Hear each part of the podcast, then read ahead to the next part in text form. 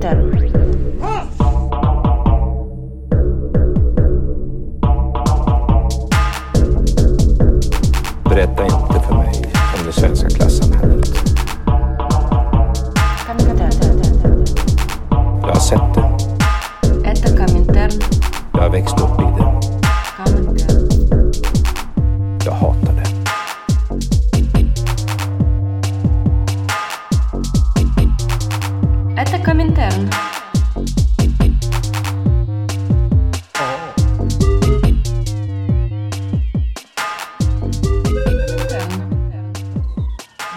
Tycker nästan att vi kör igång nu direkt. Mm.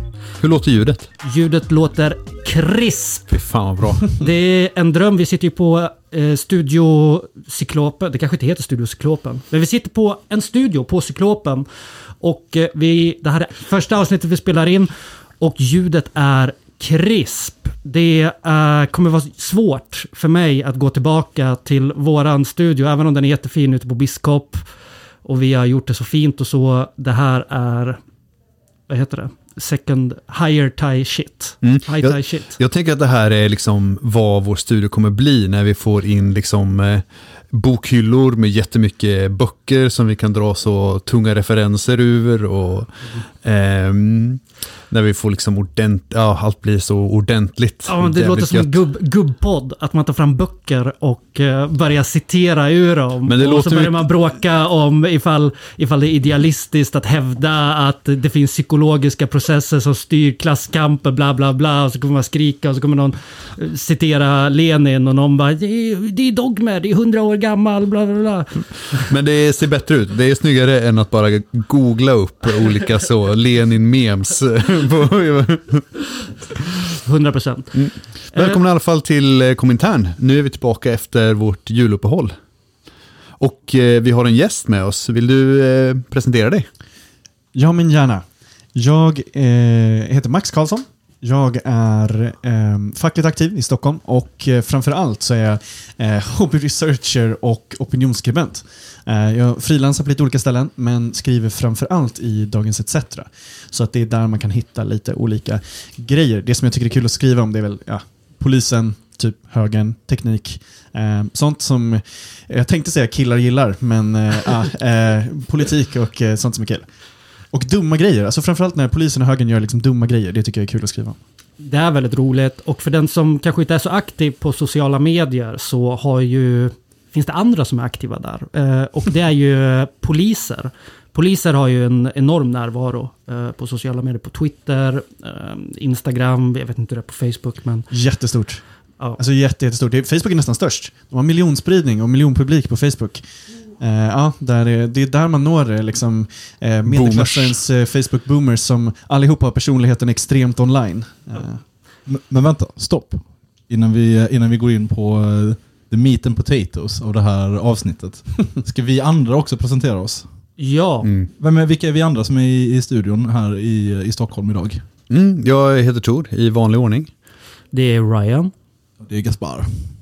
Gaspar då, det är back, eh, back to basics.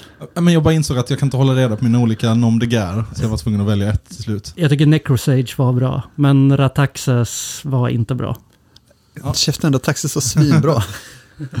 jag... Eh, ehm, vi har ju åkt upp, vi är i Stockholm nu och spelar in. Eh, och eh, igår så åkte vi upp och ja, men, satt och tjötade i bilen och jag drog till minnes när, eftersom att vi ska prata om polisen idag, så efter i maj så hade jag corona och låg hemma och mådde dåligt. Och efter några veckor så tittade jag mig själv i spegeln och så bara att Hö!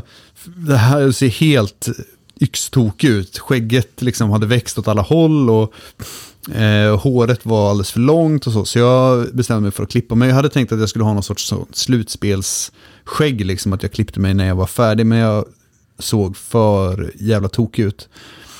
Eh, så då så tänkte jag också att jag skulle klippa något sånt roligt. Som man, som man gör när man är helt uttråkad och instängd i sin lägenhet. Så först så klippte jag ett sånt riktigt Klas Lund eh. Eh, som ser extremt kriminell ut i. Väktarringen. Väktarringen, ja precis. Som typ väktare och andra kriminella har. Eh, och sen så rakade jag en riktigt, en ordentlig mustasch. Och jag fäste mig lite med den här mustaschen och tyckte att det var kul liksom. Så, så var det jag och en annan kamrat som gick genom en förort i, Göteborg. Varpå av någon anledning så börjar, så börjar, börjar liksom ungdomarna så titta efter oss, vända på huvudet och börja skrika saker efter oss. Och, så. och då eh, förstod jag att, jag hade, att de trodde att jag var civilpolis. Det är ett väldigt speciellt utseende. Mm. Och jag ser extremt snutig ut när jag har mustasch. Det kan jag tänka mig. Vi ska prata om att vara snutig, vi ska prata om framförallt att vara snutig online, eller hur? Du ska vi berätta lite vad du har sysslat med på senaste tiden? Jo men definitivt. Jag vet inte om jag... Eh, det känns ju väldigt bra för mig i alla fall att eh, kunna dela med mig av mitt uppenbara självskadebeteende när jag liksom går igenom polisers content online. Eh, jag har spenderat, jag vet inte hur många timmar med att gå igenom inlägg, filmer och eh, eh, text från våra kära polismyndighet och enskilda poliser och närkopplade företag i sociala medier. Eh, här handlar det om tusentals inlägg, men där då jag framförallt har samlat nästan 700 exempel på inlägg som jag menar är kaos, knasiga, eh, kränker folk och eh, dumma. Eh, som de antingen eh, tjänar pengar på eller eh, gör för att pusha en viss eh, ideologisk linje. Då. Och det blev väldigt tydligt. Eh, sen försökte jag se hur mycket man har skrivit om det här nu. Alltså, man har väl granskat polisen lite, men det har saknats väldigt länge. Just nu känns det som att de, eh, de har mest fått hålla sig för sig själva. Och det har också lett till att det har blivit i princip perverst. Men det här, för, eh, alltså förra om åren, på 70-talet kanske, nej men fram till eh, 2010 så, så var det ju möjligt för privatpersoner att lyssna på polisens radiokommunikation. Vilket gjorde att journalister kunde dyka upp på brottsplatser eller på liksom eh, där polisen var väldigt snabbt liksom och granska polisens arbete på ett annat sätt. Och 2010 så var, hade alla poliser i Sverige ett, ett nytt krypterat radiosystem som heter Rakel. Som går ut mellan, eh, ja, mellan räddningstjänst, ambulanspersonal och, eh, och polisen. Då. Och eh, akutmottagningen också tror jag. Och det här gör ju att, eh, att det blir mycket svårare att granska polisens arbete. Och då lämnades polisens granskning inte bara av sin egen brottslighet utan också av sin egen liksom, eh, eh, om man fick göra propaganda av vad journalister tidigare hade gjort på ett kritiskt sätt. Eh, och, och det liksom i kombination med internet och liksom hela den här influencerkulturen liksom, och contentkulturen har ju landat oss i vart vi är idag. Liksom. Ja, verkligen. Nej, men så det man kan säga är väl att det som jag samlade, det blev två större granskningar. Ehm, först om Helsingborgpolisen och hur de producerade en sinnessjuk egen realityserie helt själva.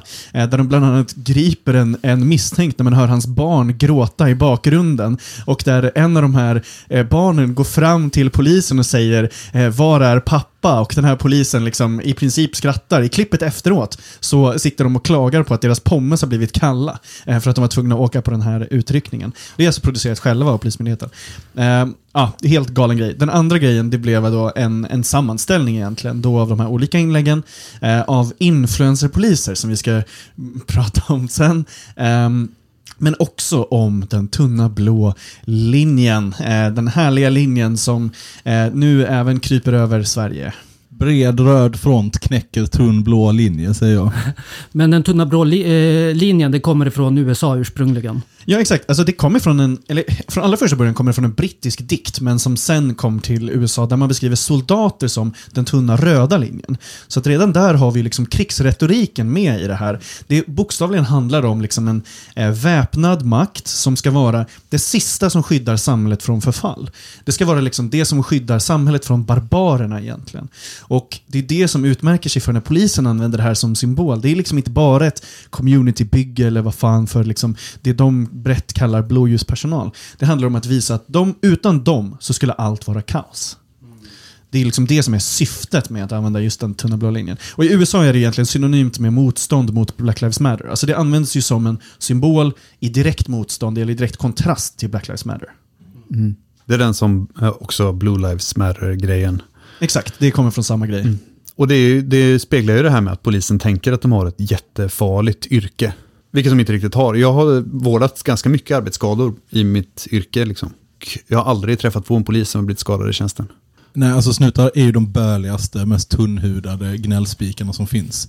De är ju, alltså det är, finns ju ingen, det finns ju ingen yrkesgrupp som är så rädd, eh, orolig, gnällig, försiktig, eh, paranoid, eh, mån om sitt rykte och sitt utseende, eh, egomanisk. Alltså det är bara, det är som en riktigt, riktigt, alltså hade, hade, polis, hade svensk polis, eller polis överhuvudtaget misstänker jag, men alltså svensk, polis är nog exceptionell.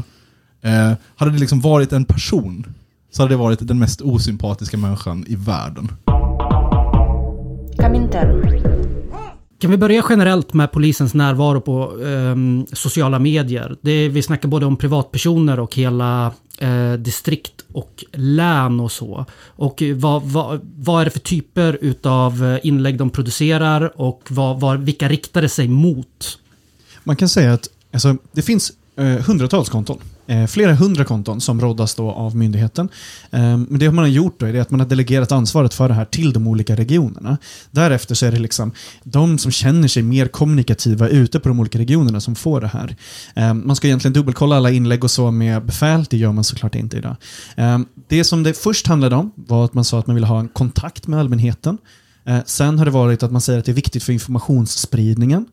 Och nu så säger man även i flera liksom, officiella skrifter att det handlar om att visa vardagen, att visa verkligheten för poliser. Um, på då ett sätt som, där de hela tiden är de som är avsändare.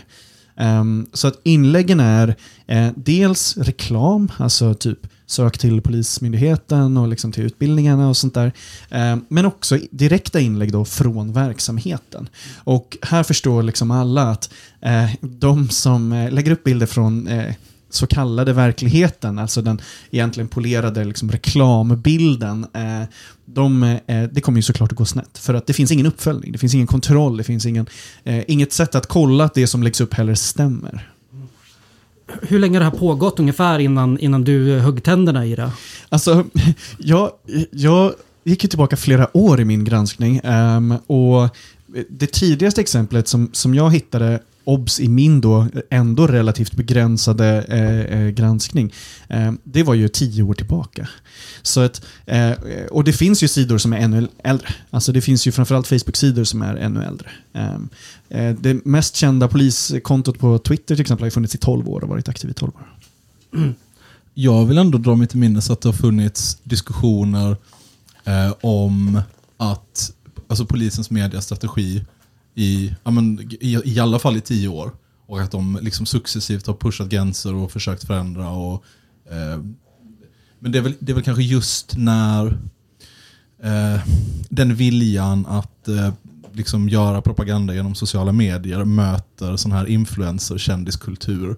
Eh, som det blir en riktigt explosiv cocktail. Liksom. Ja, och att man från myndighetens håll eh, har sanktionerat att det är okej för enskilda poliser att eh, bete sig på liksom olika sätt och göra reklamsamarbeten med liksom sportmärken och kvargmärken liksom, eh, på sidan av. Men här är ju grejen att de skulle inte vara kända om de inte var poliser. De skulle inte ha den plattformen om det inte var så att myndigheten lät dem liksom bli kända för att de, är, för att de har sitt yrke. Eh, det är verkligen den liksom, som inga andra identifierar sig med. Jag är mitt yrke och inget annat. Och Sen så var det kul för att vi pratade ju liksom lite tidigare om att de, eh, eh ja, men de, de vill gärna säga att det finns liksom en stark kamratanda och liksom att, det, eh, att de tar hand om varandra i polisen. Men samtidigt är det ju de som är taskigast mot varandra. Eh, jag har pratat efter granskningen då med ett 40-tal poliser som eh, säger att de är liksom, antingen är rädda för att eh, ta upp det här inför myndigheten och så, eller som säger att de direkt har blivit utsatt för olika grejer för att de väljer att ta upp det. Eh, för att de väljer att typ skriva om sin arbetsgivare på Facebook eller någonting. Mm.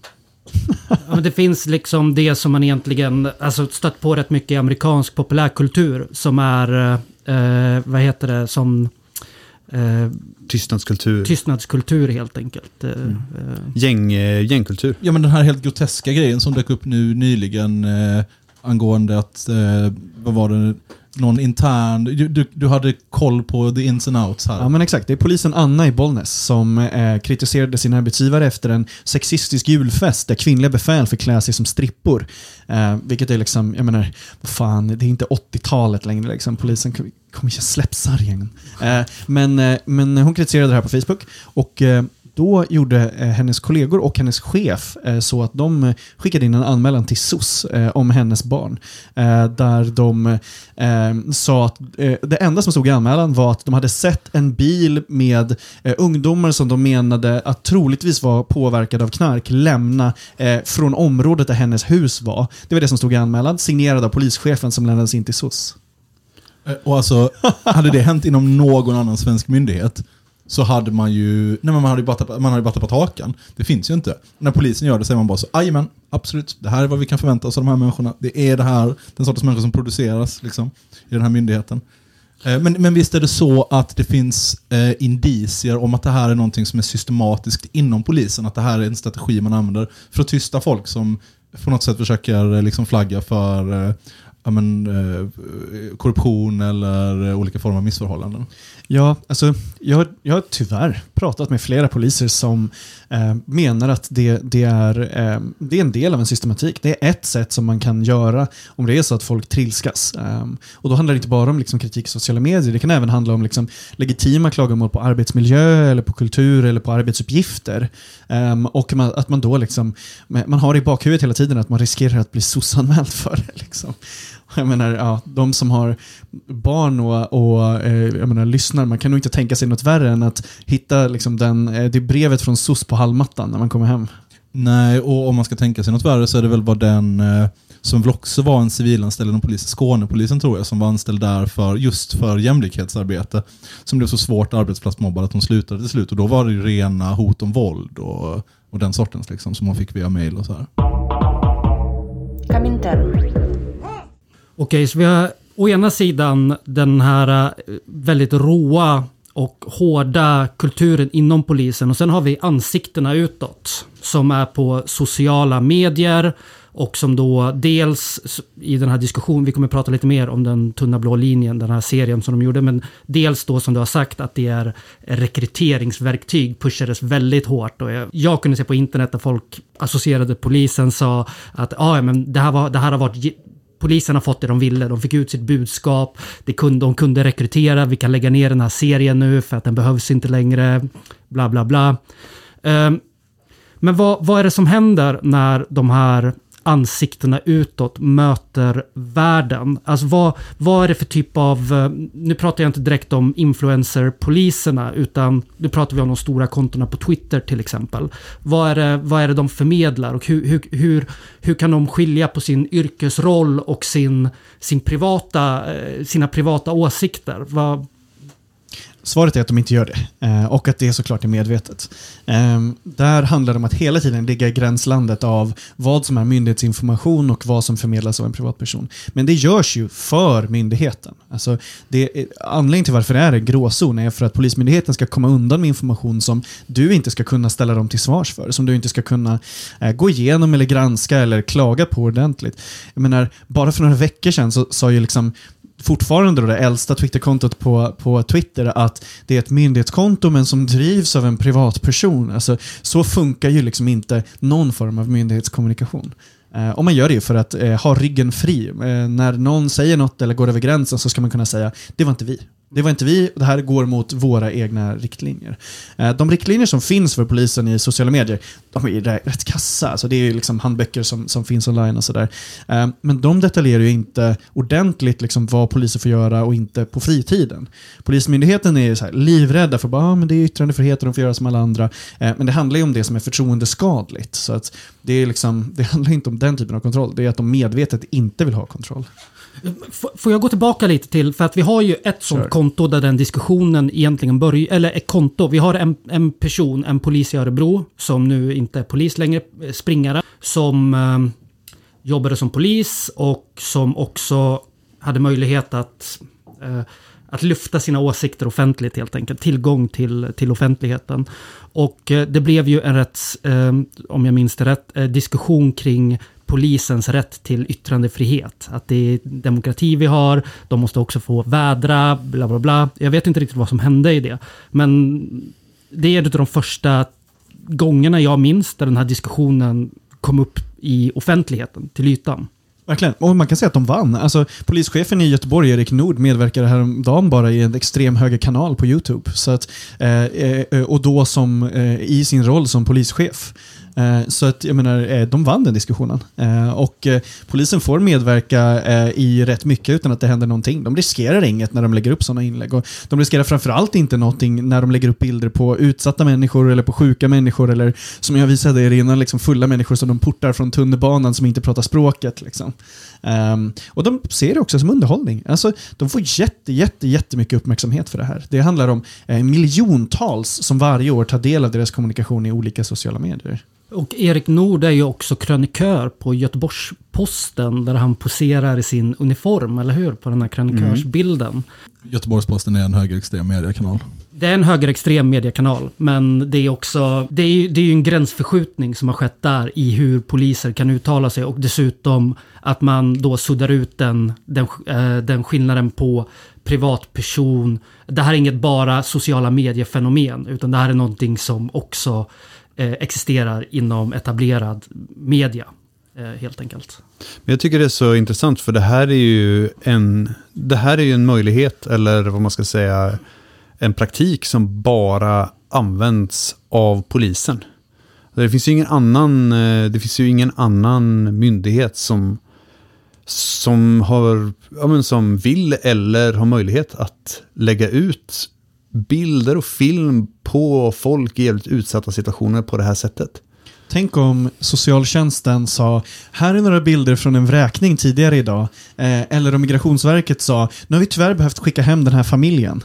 Eh, polisen i Botkyrka la faktiskt upp bilder på några som de eh, hittade, de menade då, eh, vid några bostäder, vid en, eh, vid en svart eh, byggnadsarbetsplats. De plåtade dem och sen så skrev de att de hade utvisats. Så att det är alltså bilder som ligger i deras Instagramflöde. Det Jag ska också säga, alltså, jag, jag menar också att det här är en återgång till hur det har varit. Alltså, synen på polisen som någon form av neutral medlare är ju historiskt sett rätt ny. Fram till mitten av 1950-talet så bar polisen fortfarande sabel och det var inte förrän liksom på 80-talet som kvinnlig polis ordentligt fick ha sabel. Eh, det, var liksom, det fanns även en sån liksom könsskillnad i det. Eh, otroligt länge var såklart tortyr ett lägligt sätt, eller liksom ett lämpligt sätt eh, att eh, eh liksom intervjua folk och få ut utgifter och, och, eller uppgifter och så. Eh, och man var generellt sett, liksom, så var synen att du som i, allmänheten är underställd polisens makt. Eh, det här är ju en mer återgång till hur de använde informationskanaler då. Såklart. Eh, att du riskerar att säga, men du ska veta att om du rör dig ute på tunnelbanan och är full eller säger någonting om polisen eller vad fan vad som helst så ska du veta att då kan du kanske hamna i polisens egna sociala kanaler och då bli sedd av miljontals andra liksom, och bli lätt identifierad. Mm. Det säger ju nästan sig självt liksom, att i en, i en allmän högervridning av samhället så blir ju också polisen grisigare. Liksom. Det är för att eh, de, alltså det, krävs en, eh, en, ja, men det krävs en arbetarrörelse som tvingar tillbaka dem. Alltså de är det är våra naturliga fiender. Liksom. De, om, inte, om vi är svaga så kommer de börja ta mer och mer plats. Eh, Ja, och de gör ju så här för att de får. Ja, precis. De, de får och de kan och det är deras naturliga, eftersom den myndighetens primära uppgift är att disciplinera folk och, och skrämma folk och hålla dem på mattan. Så är det klart att de kommer försöka göra det så effektivt som möjligt. Så effektivt de får.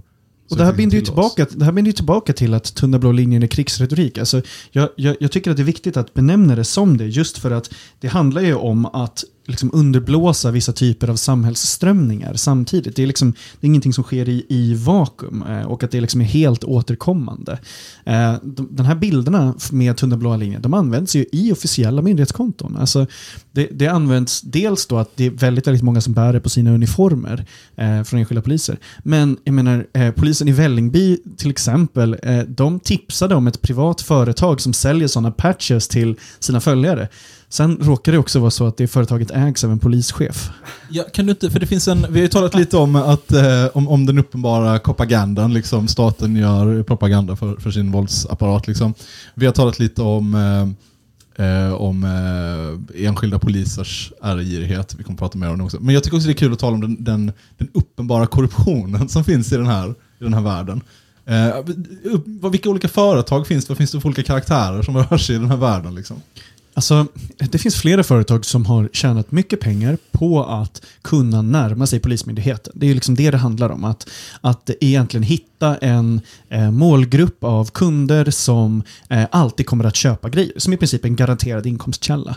Eh, och flera av de här bolagen då ägs ju då också av, av poliser. Antingen att de sitter i styrelsen och får en del eller att de liksom gör betalda samarbeten med dem. Flera av företagen har också miljonomsättning. Eh, två av de största är ju eh, såklart då United Blue Light som beskriver sig som ett av världens största blåljuscommunityn eh, och även Svenska hjältar. Eh, det de framförallt gör är att de säljer eh, rena reklamartiklar, alltså typ profilkläder och tygmärken, t-shirts, eh, termosar, liksom sådana typer Låter av lite som så krustar... Eh, ett krustarbokbord som säljer olika så t-shirts och tygmärken med så, här, Kapsylöppnare. med så danska krustband. Men det är nästan så. Och det är, det är jag menar, typ samma leverantörer av produkterna, bara att det liksom är med snutgrejer i, i istället. Liksom. Sen så, de här företagen då, de är, det de använder framförallt, det är sociala medier. Eh, och då låter de också flera officiella poliser göra så kallade takeovers av sina konton. Så flera av de här kända poliserna eh, gör alltså så att de får ta över det kontot och lägga upp storyinnehåll i till exempel en dag eller två dagar. Eh, det har till och med skett att eh, en officiell polisstation har gjort takeovers av United Blue Light. Polisen i Lindesberg hade i två dygn eh, United Blue Light och lägger då upp videos direkt på det kontot från sin verksamhet under två dygn. Byter pengar händer då också? Betalar de för den här... Eh, för den här jag, alltså jag vet inte ens vilka som gör reklam för vilka här. Det är så jävla snurrigt. Alltså vem är det som gör reklam för vem i det här sammanhanget? Men jag antar... Nej, jag vet inte ens. Vem skulle betala vem? Jag vet inte. Nej, alltså de enskilda som är med, eh, de, jag gissar att flera av dem är med för typ uppmärksamheten. Alltså flera av dem så att de gör reklam för sina egna konton. Eh, det är också så att det är väldigt vanligt att de väktare som är med i liksom en av de värsta tv-serierna som finns, Tunnelbanan, eh, de är också sådana som eh, frekvent tar över de här kontona och syns. Liksom. Men sen handlar det ju också om att de är ju vandrande reklampelare. De, har ju, de bär det här företagets produkter, de taggar det här företaget i sina stories eh, och leder egentligen då väg till de här privata vinstdrivande företagen. United Blue Light, blåljus... Eh, Community. blåljus community. Skulle någon vilja utveckla lite vad det innebär? Det är ett jävla kränkande eh, uttryck där så hedligt folk liksom kletas ner med så här, polis av, så, av att polisen vill vara liksom en del av det här, eh, folk som hjälper andra människor. Nej men vad man menar är väl egentligen så utryckningspersonal, polis, brandkår och ambulanssjukvård. Pratar man ju också om trygghetsskapande yrken, det vill säga alla andra sådana vidriga vidriga män med så eh, fult skägg som eh, slår folk typ.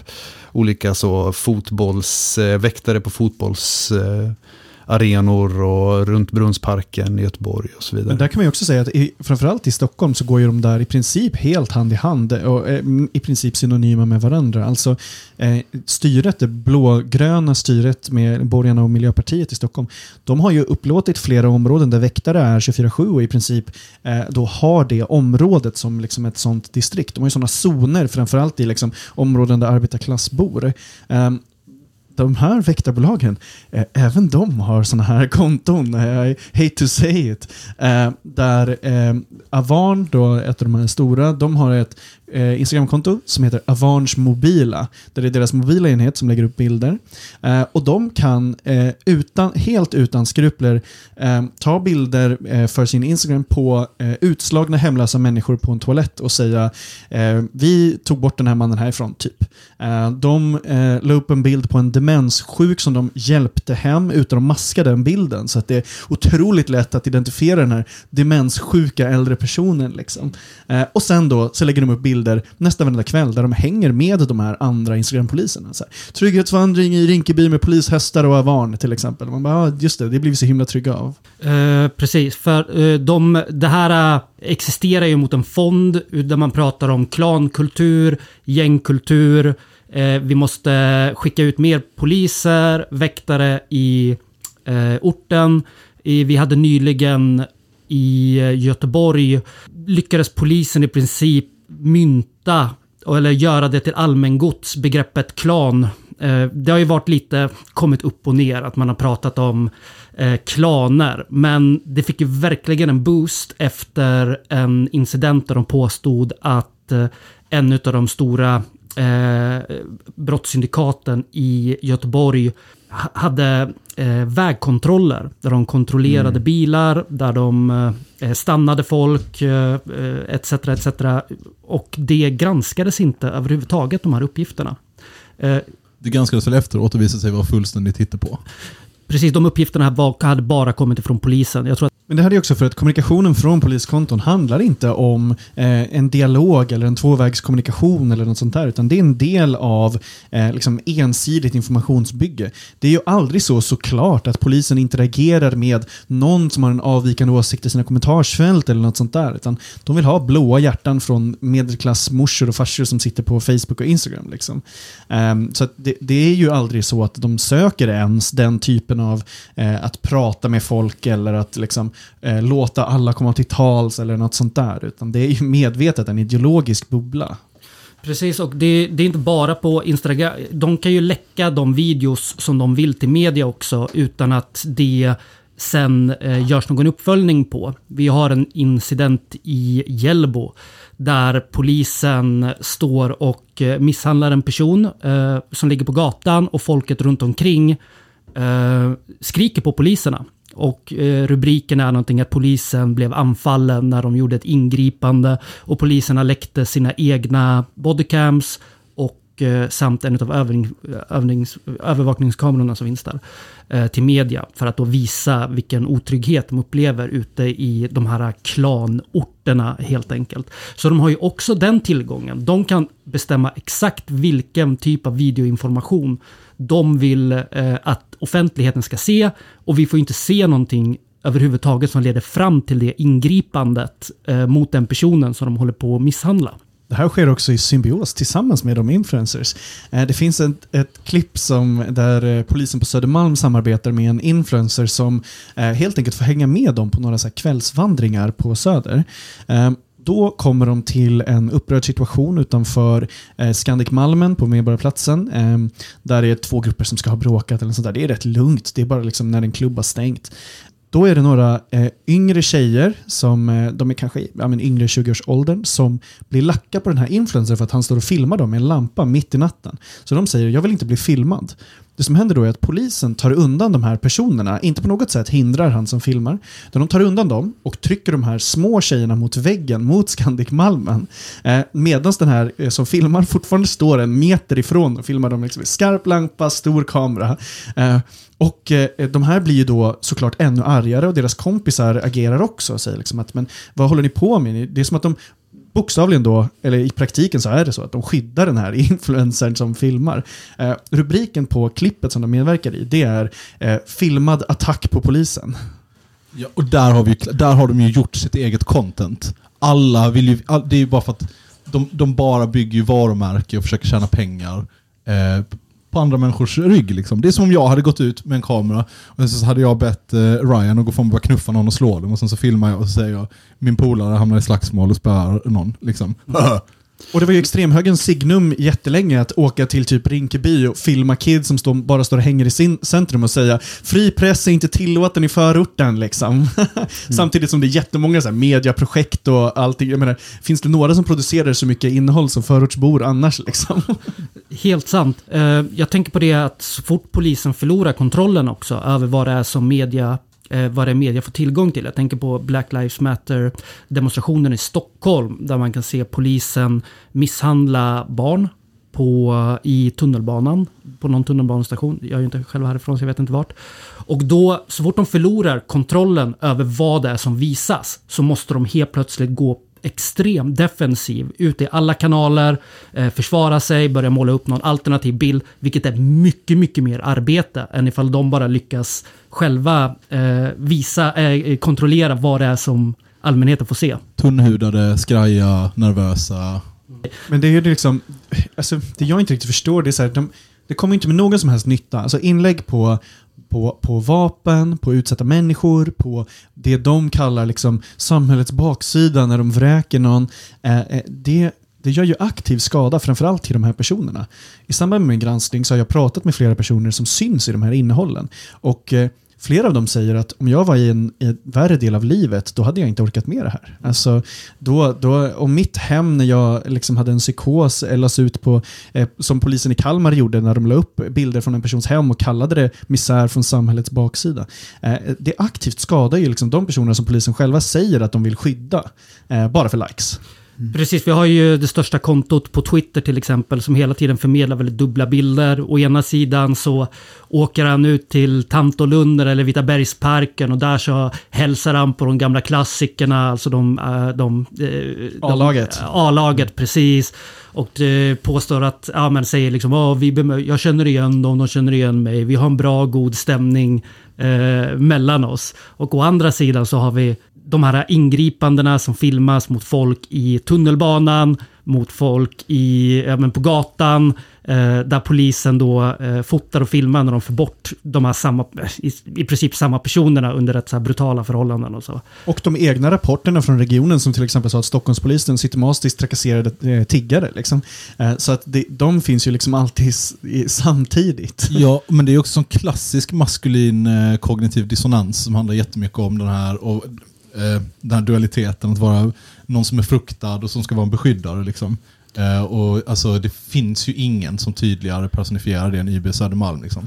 Som både ska vara som trygg farbror, eh, men också samtidigt bara folk är livrädda för, för att man vet att det är en våldspsykopat som alltid vill så här, skjuta folk. Den tunna blå linjen. Det är en webbserie då, då som vi har varit inne lite på. Skulle vi bara kunna få en lite mer genomgående, vad, vad var det som hände? Varför de, de satte igång? Det är rekrytering. Eh, vad, var det de, vad var det för content och vad var det som hände sen när de här började granskas? Först så finns det ju eh, den dramaproduktionen av SVT som heter Den tunna blå linjen. Och sen så finns det en egen realityserie som polisen gjorde också.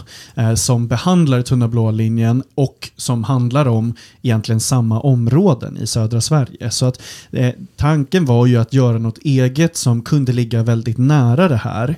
Eh, inför då att SVTs produktion också skulle komma. SVTs eh, dramaproduktion det är bokstavligen som vilken snutserie som helst fast i liksom, svensk kontext. Eh, det som är skillnaden är väl att myndighetskonton har gjort reklam för den här produktionen, för den här privata eh, produktionen som sen sänds i, i SVT. Liksom. Eh, jag hade önskat att de skulle tipsa om till exempel Kalla fakta också, som eh, när poliserna sossanmäler varandra. Liksom. Eh, men det kommer de ju såklart aldrig att göra.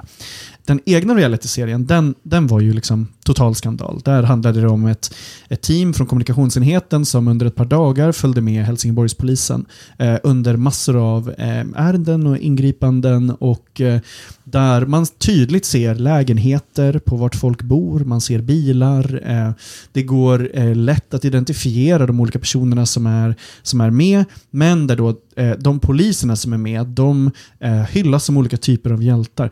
Alltså, det här är en rolig detalj, men en av de poliserna som är med, som också då har hur mycket följare som helst på sociala medier, han är också skådis. Eh, han har ett konto på, på Internet Movie Database där han liksom skryter om att han varit med som polis extra i många serier.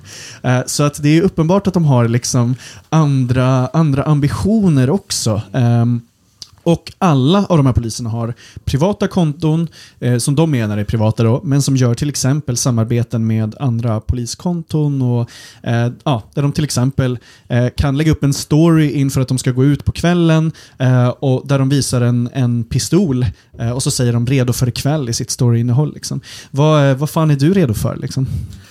Vad är det för överträdelser de gör? När de, när de visar de här sakerna, när de eh, visar ingripandena, vad, vad, vad är det de gör fel? Varför kan de inte bara få göra så här?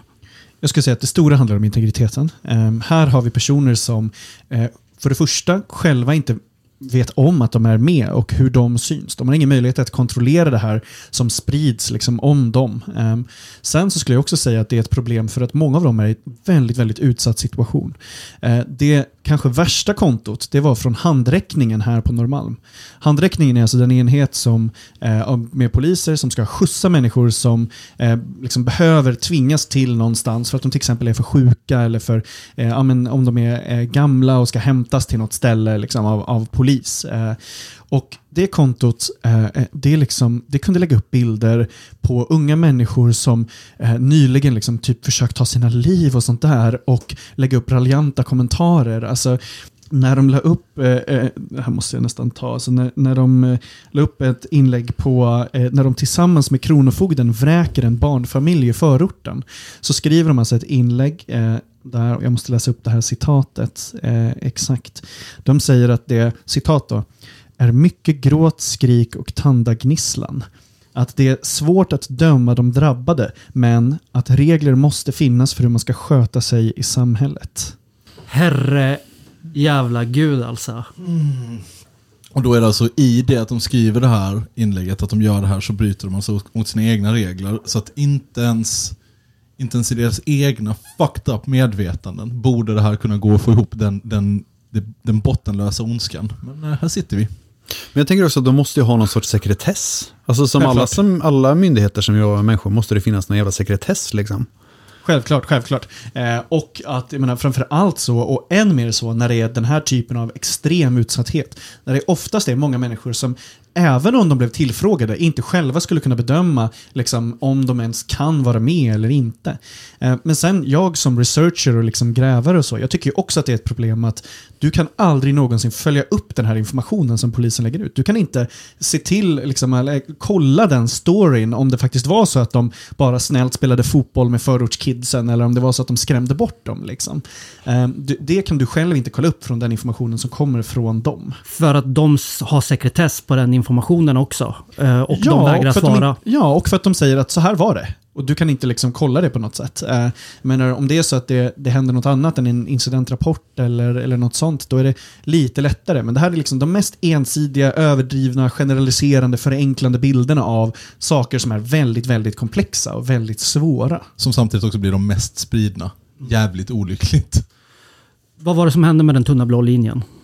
Ehm, den tunna blå linjen, alltså den realityserien som de gjorde, den eh, efter två veckor och då, ja det var egentligen efter eh, min, min artikel om det, men efter två veckor så eh, togs den ner. Då sa de att det var avslutat. De hade alltså producerat sju avsnitt varav eh, totalt fem publicerades, två togs bort, sen togs alla bort. Jag har alla avsnitt. Eh, men eh, det är viktigt. Men, men, men eh, de menar att det här var avslutat, så de menar att de brände då flera miljoner som de har lagt på det här då. Ehm, det, tre miljoner var grund, grundsiffran, men sen så det, har det tillkommit mer. Och för en jättetidsbegränsad kampanj. Det här är såklart lögn. De tog bort den för att de fick otrolig massiv, inte bara kritik, men även JO-anmälan som, som skedde mot det här innehållet. Eh, det är inte jag som har gjort JO-anmälan, men det är andra personer som har gjort. Också väldigt mycket så här, ja, men, jurister och olika typer av advokater som kom med medial kritik. Eh. Precis, och eh, då kunde man se Twitters största poliskonton också gå ut och säga jag har fått intern information om att vi har varit tvungna att ta bort de här två avsnitten för att det bryter mot någon eh, upphovsrätt. Ja, de sa att det var Eh, copyrighten i titelmusiken, vilket såklart inte är sant. Eh, eh, det, det stämde inte alls. Eh, och de försökte säga det i flera kanaler. De försökte säga det i en intervju till Expressen också. Och så. Eh, men sen så sa de att det var avslutat. Grejen är att alltså, promomaterialet för de här kampanjerna, typ de bilder de tog fram innan på de här, och liksom de studiobilderna och fotona på de här poliserna, de används fortfarande. Eh, eh, för, och liksom namnet på de här poliserna och, och, och så, de används fortfarande. Eh, jag kan också säga att det finns faktiskt en, en liknande serie som eh, inte är lika uppmärksammad eh, och då för att den handlar om liksom kanske ännu mer utsatta människor men som är exakt samma stuk. Som handlar om en eh, sivare som jobbar mot knark i Stockholm. Där, han, eh, där de filmar människor som han eh, till exempel griper på tunnelbanan för att någon luktade gräs. Eh, och, så, och de personerna vet inte heller att de är med. Och den är kvar. Men så det här är någon sorts kops, eh, svensk kopsvariant liksom?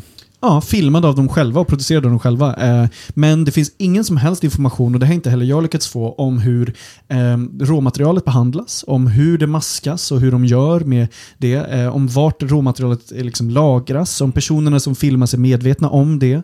Eh, om det är så att någon extern har gjort typ klippning eller liknande, så hur ser avtalet ut med de bolagen eh, och, och liknande? Liksom. Vad, de verkar inte ha några som helst liksom, publiceringsstandards, utan de gör det här på vad de tycker är coolt och feeling i en liten grupp på kommunikationsenheten. Så det här är helt enkelt de som har nått någon slags form av hybrispunkt. Där, det, där, där man befinner sig i en situation där det inte längre finns några gränser. Det, det är som att växa upp och vara bortskämd liksom och Men förvänta sig kunna få allt. Men det är klart bli att det är så, för att det är så. Ja. Alltså det finns ju inga gränser för dem. Alltså så här, det är ju visst de var tvungna att ta bort den här eh, koppsklonen, men eh, i övrigt så finns det ju ingen, det är ingen som har förlorat jobbet över det eller eh, liksom, De bad aldrig heller om ursäkt. Alltså det kontot, eh, det kontot heter Ingripande poliserna på Instagram. Eh, De har bara hyllat serien. De har i flera inlägg efter det här skrivit Vi förstår att vår publik uppskattade den här serien från alla kommentarer vi har fått och lyft i, liksom, de har skärmdumpat massor av positiva kommentarer och lagt upp det som egna inlägg efter det att serien togs ner. För att de hela tiden måste bevisa att vi är så jävla älskade. Både att alltså det är den här dualiteten, liksom, att båda vara så här, vi är älskade, alla tycker om oss, men också så här, samtidigt så här, alla hatar oss, ingen förstår oss för att jobb är livsfarligt, gangstrarna skjuter med bazooka på oss så fort vi lämnar polishuset. Eh, alltså hela den, eh, hela det narrativet liksom. Ja, det, det, det är en motsättning som de inte kan överbrygga överhuvudtaget. Men de behöver inte göra det heller för att just den delen ifrågasätts inte.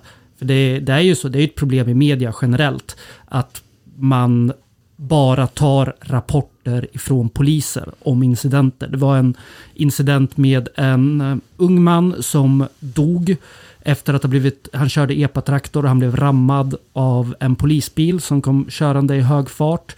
Och den enda informationen som finns är att polisen uppger att mannen inte följde väjningsplikten. Och det kan vara så, det vet inte jag. Men det är eh, otroligt slött arbete. Eh, Finns det några andra vittnen man kan prata med om incidenten? Eller räcker det helt enkelt med att polisen eh, som har orsakat en ung mans död eh, säger ja, den, det var den personens fel?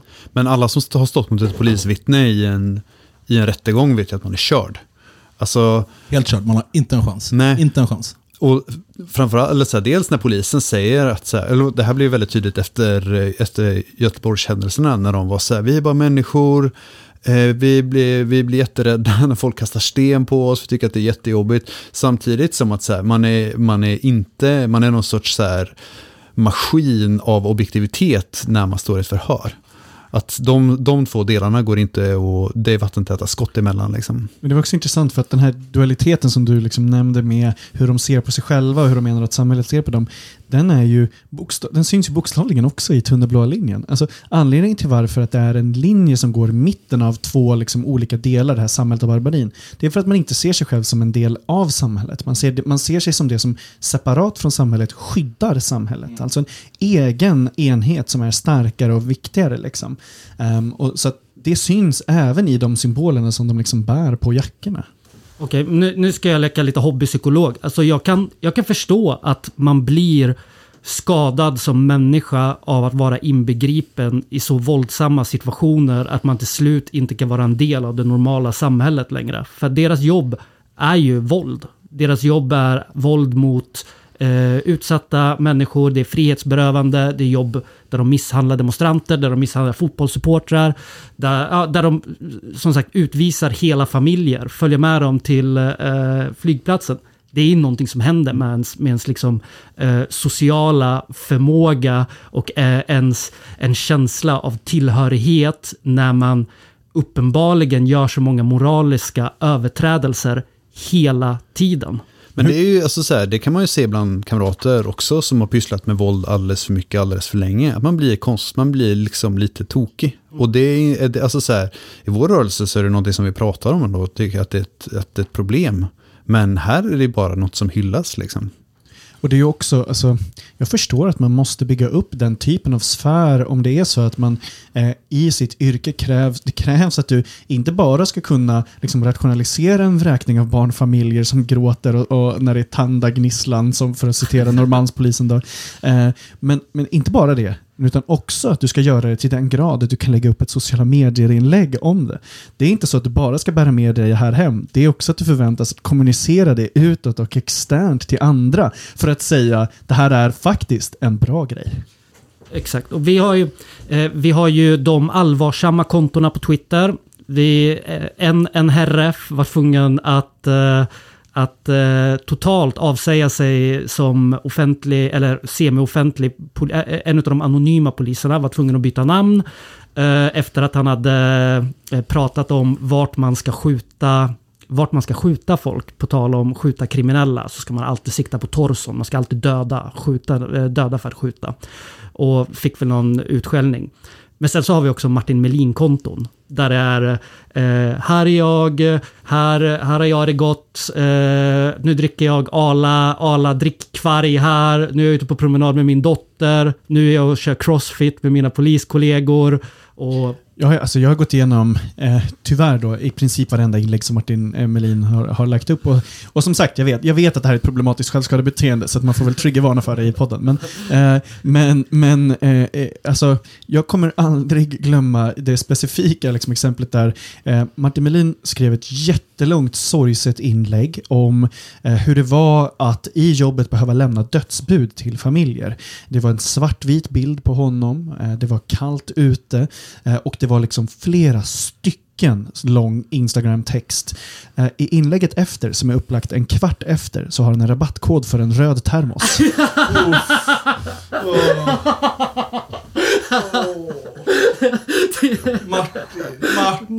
han, han är ändå Sveriges främsta himbo. Han är dum som, han är dum, dum som en påse sten alltså. Han är så jävla pantad. Men det är, liksom, det, det är den nivån av, av content. Och det, det visar ju också hur seriöst man tar på det. Alltså inte alls såklart. Nej, nej, visst. Men jag menar, han, han fick ju också eh, faktiskt bra mängd skit efter att han var med på YouTube och uttalade sig om i ett YouTuber-bråk. Jag vet inte om ni har sett det. Alltså, han, han blev uppringd av en, en av Sverige, eller kanske Sveriges mest kända YouTuber, eh, Jockiboi, som jag har nämnt lite förut. Eh, Jockiboi ville att han skulle titta på ett klipp eh, på en man som Jockiboi säger är knarkpåverkad. Eh, och då säger Martin Melin i det här klippet, ja, jag skulle plocka in honom. Den här personen är inte knarkpåverkad utan en person som eh, Jockiboi har juridiska tvister med och eh, har stämt för eh, liksom, eh, så här, kla ekonomisk klagan och sånt. Och då uttalar sig Martin Melin i den här kanalen eh, om deras liksom, eh, eh tvist för att försöka då antyda att den här personen tar droger. Eh, när det handlar om en hantverkare. Oh, där, där har han, svårt, han har svårt att skilja på privatperson och polis. Han har svårt att skilja på eh, eh, reality, eh, och poliskollegor. Alltså man måste säga, det enda som är lite, lite positivt i, eh, i den, här, den här jävla soppan är att om man brottas med grisar så blir man gyttig. Right? Alltså om man ger sig in i influensvärlden så kommer man behöva deala med Jockibois olika hantverkarkonflikter. Och en sån klen tröst jag kan ha ibland när jag ligger och kokar innan jag ska somna, bara för att jag är så jävla arg över att det finns poliser antar jag, är att mängden skit som Martin Melins kollegor talar om bakom hans rygg, hur ofta han blir spottad i nacken i duschen, eh, är ju, måste ju vara helt jävla sanslös. Eh, så att det finns någonting i mig ändå som, som drar näring ifrån att han vet att han är hatad av sin egen stam. Men tror du att han är det? Tror han, för han, eh, det är aldrig så att han uttalar sig negativt om polisen. Nej, jo, jo, förlåt. Det är ju inte så att han bara, ja nej men de som sköt eh, Erik, eh, de, det var inte bra liksom. Han är ju en fancy pants. Men alltså tror du verkligen att de, du vet de, du vet de bilderna som kom ut på de rogsnutarna från Stockholm? De 200 kilos pannbiffarna med Torshammare och eh, du vet så eh, jävligt suspekta politiska åsikter. De, de tycker ju att Martin Melin eh, f- fikusar ska ha en bandyklubba i ändan. Liksom. Alltså de är ju... Men det tyckte de mest för att han kandiderar för Liberalerna och inte för det liksom andra som han gör. Eh, eh, det är liksom, men myndigheten älskar honom. Alltså, det är därför han får hållas. Han är ju den som eh, får gå allra längst för att han är den som är mest känd. Han är ju den som är liksom, eh, eh, ja, men, mest känd på det här sättet med de andra liksom, influencerpoliserna. Alltså. Eh, mitt favorit eh, Martin Melin-kort är ändå när han ett par månader innan statskuppen i Bolivia eh, har ett inlägg där han säger, ja ah, men jag var i Bolivia och så såg jag några poliser och så sa jag, jag vill gå fram och prata med dem till vår guide. Och då sa guiden, så här, nej men gå inte fram och prata med polisen. Men då är det ett foto på, ja, det är ett foto på Martin Molin, eh, Melin och två bolivianska poliser. Och eh, så, säger, så står det typ så här, ja ah, men vi, är, vi, liksom, vi tillhör samma, samma grupp, vi är samma eh, typ av, eh, jag vet, jag vet inte. Samma stam? Ja men samma stam liksom. Några månader innan polisen arrangerar en statskupp mot den demokratiskt valda presidenten som vann igen, Evo Morales. Men det här tycker jag är, det här är en sån sak som jag har velat fråga poliser. Det här är där min så här, man pratar inte med polisen och min genuina nyfikenhet liksom kolliderar. Eh, att så här, vart drar man gränsen med att så här, det här är inte mina kollegor längre? Okej, okay, Okej, svensk polis tycker garanterat att, att amerikansk polis är deras kollegor. Det är så här, som åker runt och bara skjuter så, tonåringar i ansiktet med tårgasgranat liksom, för att de håller i en bandspelare på en demonstration. Alltså de taggar eh, New York-polisen i officiella myndighetskonton jätteofta. Alltså de, de, de, lägger upp, sämre vad man tror. de lägger upp stories där de säger eh, tack eh, kollegor i New York för att ni gör det här och så vidare. Eh, och så så att det, det sker redan. Herregud. Okej, men, ho- okej, men då har jag en fråga. Taggar de liksom kinesisk polis för att de håller rent i, eh, Hongkong. i Hongkong? Jävla falungong jävlar! Vart, är, vart går gränsen för United Blue eh, Communities? Precis, Liksom, eh, alltså så här, blåljus communities? Nordkoreanska polisen. Precis, men så här, taggar de saudiarabisk moralpolis som så här, bara, din sjal... Sharia-polisen. Precis, bara, din sjal sitter lite fel, Ja. bara, nu, blir det, nu blir det 20 piskrapp för din del. Liksom.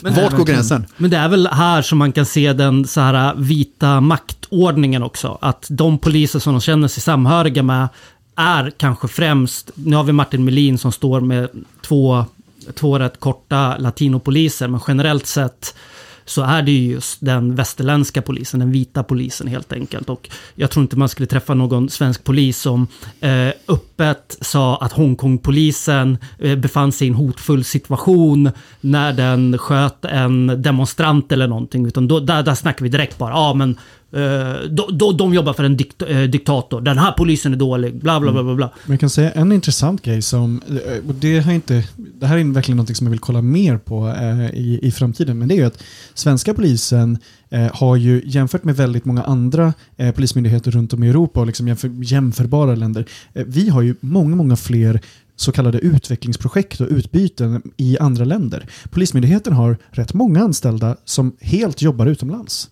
Eh, och som framförallt jobbar med ett samarbete med poliser i olika delar av Sydam eh, Sydamerika, men även i Afrika. Eh, och det finns polismyndighetsanställda som jobbar med liksom, ja, men till exempel kompetensutveckling och liknande för polis i massor av andra länder.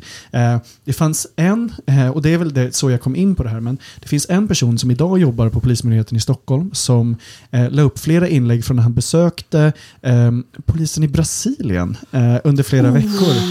Eh, och där, där de bland annat då eh, testade eh, vapen och skjuter och lägger upp det på, på eh, sociala medier. Då.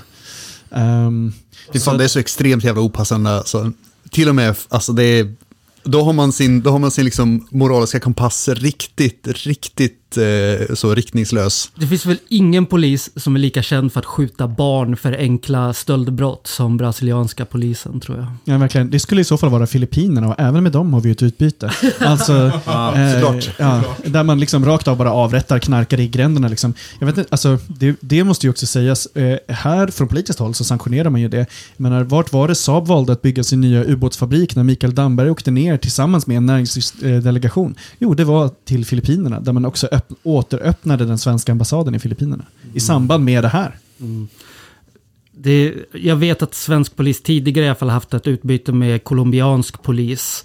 Och det är kanske inte heller så jävla passande med tanke på vilken funktion de har fyllt sedan eh, tidigt 60-tal där. Men vi har, precis, vi har alltså en polis som inte ifrågasätts varken, varken i etablerad media, massmedia och som kan härja fritt på sociala medier, kontrollerar narrativet 100%. Vad, vad är det för typ av pushback som krävs för att man ska kunna klämma åt dem och faktiskt kunna, kunna lyfta problematiken från, från folkets håll helt enkelt? Alltså, först så skulle jag säga att såklart, jag menar det här klassiska prata om det räcker inte så, men jag menar att man kan sammanställa sånt här innehåll funkar ju bra. Jag har ju inte tagit fram något som är hemligt. Jag har tagit fram hundratals inlägg som ligger helt öppet i sociala medier eh, liksom, och bara egentligen satt ihop de här för att det blir mer absurt ju fler exempel man har. Eh, eh, men jag menar, de är ju lika absurda även i liksom, enskilda grejer. Eh, jag tror att det hjälper, och, eller jag har fått en hel del positiv uppmärksamhet när jag betonar att de här inläggen, de vill inte förändra någonting. De vill ha det precis som det är nu, men de vill klaga om det. Eh, när polisen i Vällingby fotade två hemlösa män som fryser ute på gatan, då skrev de till sina följare att man skulle vara glad över, upp, eller man skulle uppskatta det vi har. Så att det fanns ju liksom ingen uppmaning om att den här situationen på något sätt skulle förändras. Liksom. Eh, jag tror att man kan använda den typen av konflikter som vi vill förändra och som de flesta liksom, eh, vanliga människor faktiskt vill förändra. För att illustrera hur de är i motsats till det. Sen tror jag också på att eh, på kraften i att håna, det funkade bra. liksom jag tycker att ett skit inte ska stå oemotsagt. Jag tycker att man ska skratta åt liksom, dödsbud och termosdynamiken hos Martin Melins inlägg. eh, liksom. eh, och jag tycker att man ska prata om omfattningen som ett system. Det går, alltså anledningen till varför jag kan prata om det här som systematiska övergrepp är just för mängden exempel. Eh, det handlar inte bara om liksom, eh, snutarna på ett visst ställe och jag tror inte heller att man bara ska säga så här ja men eh, eh det är polisen generellt, utan jag tror att man kan säga alla distrikten bara för att liksom visa det. Eh, I min första granskning då hade jag liksom med eh, polis i Täby, Norrtälje, Norrköping, Halmstad, Globen, Järfälla, Västerås, Huddinge, Dalarna, Göteborg Syd, eh, Malmö och många, många fler. Liksom. Bara i den första delen. Över hela landet. Ja, typ så. Men sen då också att, jag menar, i kraven som, som, som jag tycker att man ska ställa nu, Alltså, polisen nu säger sig villiga att vilja ändra på det här. Eh, utåt åtminstone i sina vaga termer. Liksom. Eh, men det man måste säga där är att antingen så går ni igenom varenda konto, varenda inlägg, tar bort det som har funnits innan som är olämpligt, ni informerar dem som syns och så vidare. Tar den tiden och lägger de resurserna på att göra det och sen liksom ändra framgent. Eller stänger ner allt och börjar om helt. Och gör det som tråkiga då, myndighetskonton som, det, som andra gör och som andra gör bra, typ socialtjänsten. Du har ju fått tag på ett, eh, som jag förstått ett, ett internt dokument ifrån någon högt uppsatt kommunikationsperson inom polisen. Eh, där de pratar just om eh, polisens närvaro i sociala medier. Skulle du kunna kommentera det? Jättegärna. Det är alltså en kommunikationschef på Polismyndigheten som har skickat ut en intern skrivelse som heter Polisen i sociala medier. Eh, det här publicerades då den 10 januari som svar på eh, min granskning egentligen och på den, den kritik som kom. Eh, det som händer är att de först då ehm, går igenom den, den liksom, först sammanfattar de kritiken, sen går de igenom syftet som ska vara med sociala medier. Men det som skiljer sig åt här sen och som jag är ändå, eh, det är därför jag är glad över att jag nu har liksom bra kontakter inom polisen som läcker det här till mig åtminstone. Det var att eh, man publicerar bland annat hela granskningen i sin helhet internt för polisen. Eh, med all text och med allting. Vilket är glad, jag är glad över det för att då kan de inte förändra det jag säger. Då måste de liksom ta ställning till det innehållet och till, till mina argument. Eh, men sen så skriver man också så här skriver alltså den här eh, eh, polischefen, nu ska jag läsa upp ett, ett eh, citat. Eh, och de brukar ju aldrig liksom kritisera sig själva, så att det är väl så här långt vi kommer just nu. Det är lätt att bli förblindad av farten när klickandet accelererar och det är lätt att drabbas av gillandets berusning. alltså poetiskt sätt att skriva om när man plåtar hemlösa, men, men ändå liksom eh, eh, bättre. Och de skriver också att eh, in, eh, det finns allt för många exempel då i min granskning på inlägg som producerats och publicerats av oss och som går över gränsen för vad som är rätt och riktigt och för vad som är lämpligt och etiskt försvarsbart. Jag tycker det, det tycker jag är intressant, för jag tittade ju då eh, i min förberedelse för att, för att spela in det här avsnittet på Göteborg City, nu ska vi se vad kontot heter, det heter eh, Polisen Gbg City. Och deras senaste inlägg som är två dagar gammalt när det här avsnittet släpps. Det är en, en bild och sen står det, vi talar om kränkningar och tystnadskultur. Det pågår en diskussion i olika medier om kränkningar och tystnadskultur inom polisen. I vårt lokalområde är vi medvetna om det problem och de utmaningar vi har inom vår organisation. Det är ett ganska långt inlägg, jag kommer inte citera hela. Men det är en väldigt skarp vändning liksom. Men det är ju det att det är antingen dubbla ner på det och eh, var tvungna att eh, eh, och, var, och var tvungna att eh, lägga enorma resurser på att försvara det här. Eller bara, ah, okej, ja, men det var dåligt, vi, vi ska skärpa oss och sen inte ha några särskilda krav som ställs på dem. Eh, då framstår de också mer sympatiska. Att eh, vi kan förstå att det är någon som har fått sin integritet kränkt. Men alltså det, det, det som man måste understryka, som, som du har nämnt flera gånger, eh, är ju att det är ju riktiga människor som de redan hängt ut. Det är riktiga människor som redan eh, visat sig upp för massa andra. Och att leva med missbruk, att leva med i fattigdom är eh, en otro, eh, skam. Det är otrolig utsatthet. Eh, och det är ju någonting som man inte vill att andra ska veta. Och polisen har totalt inte kunnat em- känna empati med det här. Nej, men verkligen. Och sen så är det ju att polisen, polisen är stolt över att kunna peka med hela handen på när de vill ha någonting ofta. Alltså myndigheten är eh, rätt tydliga i de kraven de vill ha för vilka resurser myndigheten ska ha eller när de tycker att samhället ska förändra sig på något sätt som de tycker är viktigt. Men problemet är ju att när de väl ska göra det här internt så leder det alltid till någonting som är vagare, såklart. Den här handen kommer aldrig liksom riktas mot dem.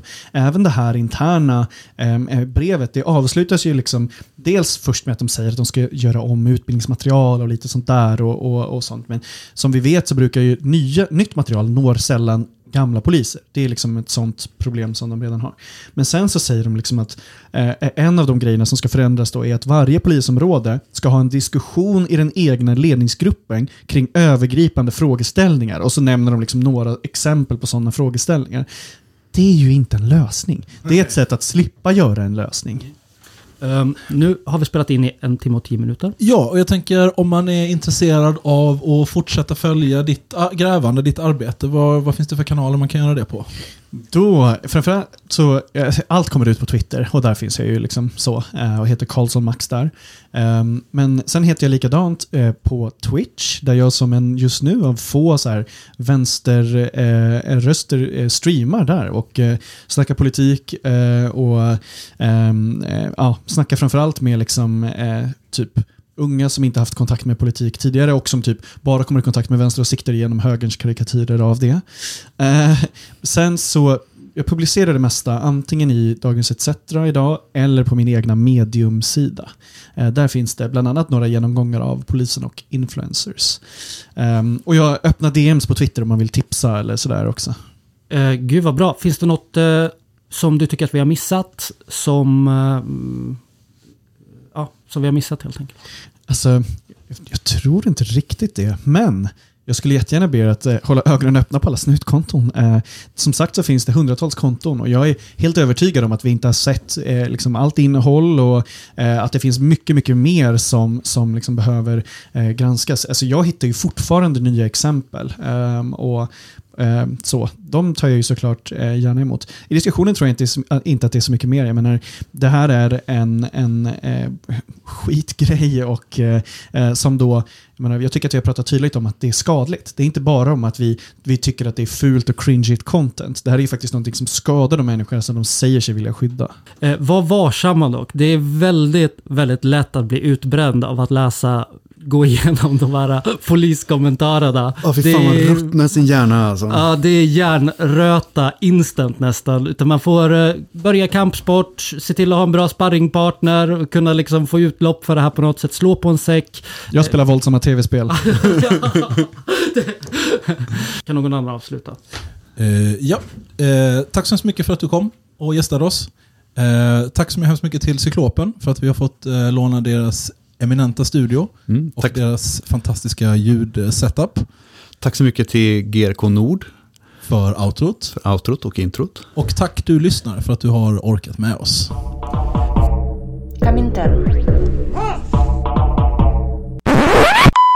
Hallå, det här är Martin Melin som hör av sig. Nu måste jag, nu, nu är det allvar här nu. Vad är det här jag hör? Vad är det här för radio? Vad är det här? Vad håller ni på med? På riktigt, det här kan ni inte hålla på med.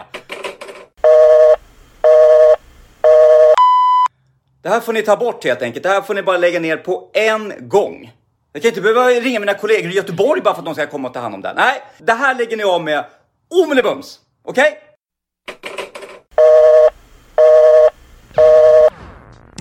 Ah. Sorry baby. I'm sorry. So sorry baby. Det är bättre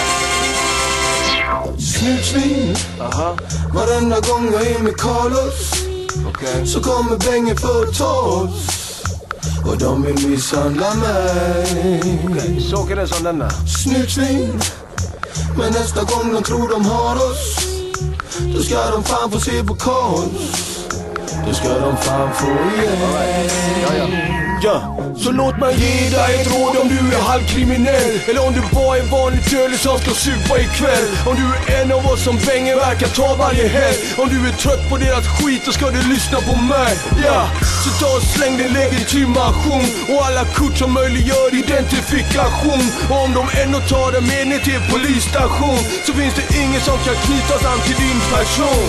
För Frölunda, Bengen är den lataste grisen. Och pappersarbete är för svårt för polisen och fingeravtryck tar för lång tid att få. Hur blir det lättare för Bengen om de låter dig gå? Ja, då är man back in business bara så. Tillbaks till krogen som de klippte dig på. Så ta ett råd från en som varit där förut. Bärsen smakar alltid bättre när man lurat en snut. Snutsvin Ja, visst. Varenda gång jag är med Carlos Så kommer Bengen för att ta oss. Och de vill misshandla mig Snyggt Snutsvin Men nästa gång de tror de har oss Då ska de fan få se på kaos.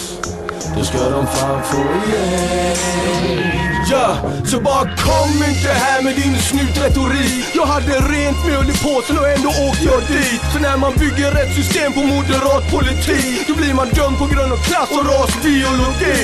Och massarresteringar ger fin statistik. Och det blir mer cash i anslag med en fet rubrik. Och man kan kalla det en förebyggande brottstaktik. Men i själva verket är det gammal god moralpanik Och Frölunda, Bengen är den fegaste pliten. Jag minns hur de brukade slå mig som liten. Jag minns hur de höll ihop när brorsan blev biten. Så åklagaren vägrade att avliva skiten.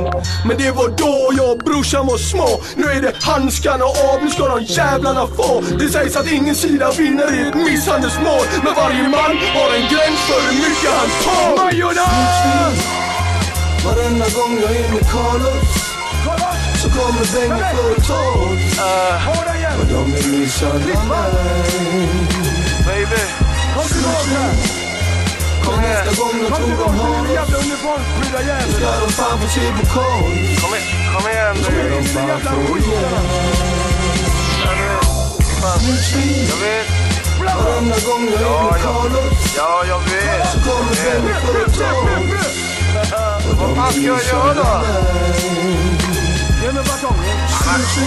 Kom igen baby! nästa gång de tror de har oss ska de få se på konst Ja, ja.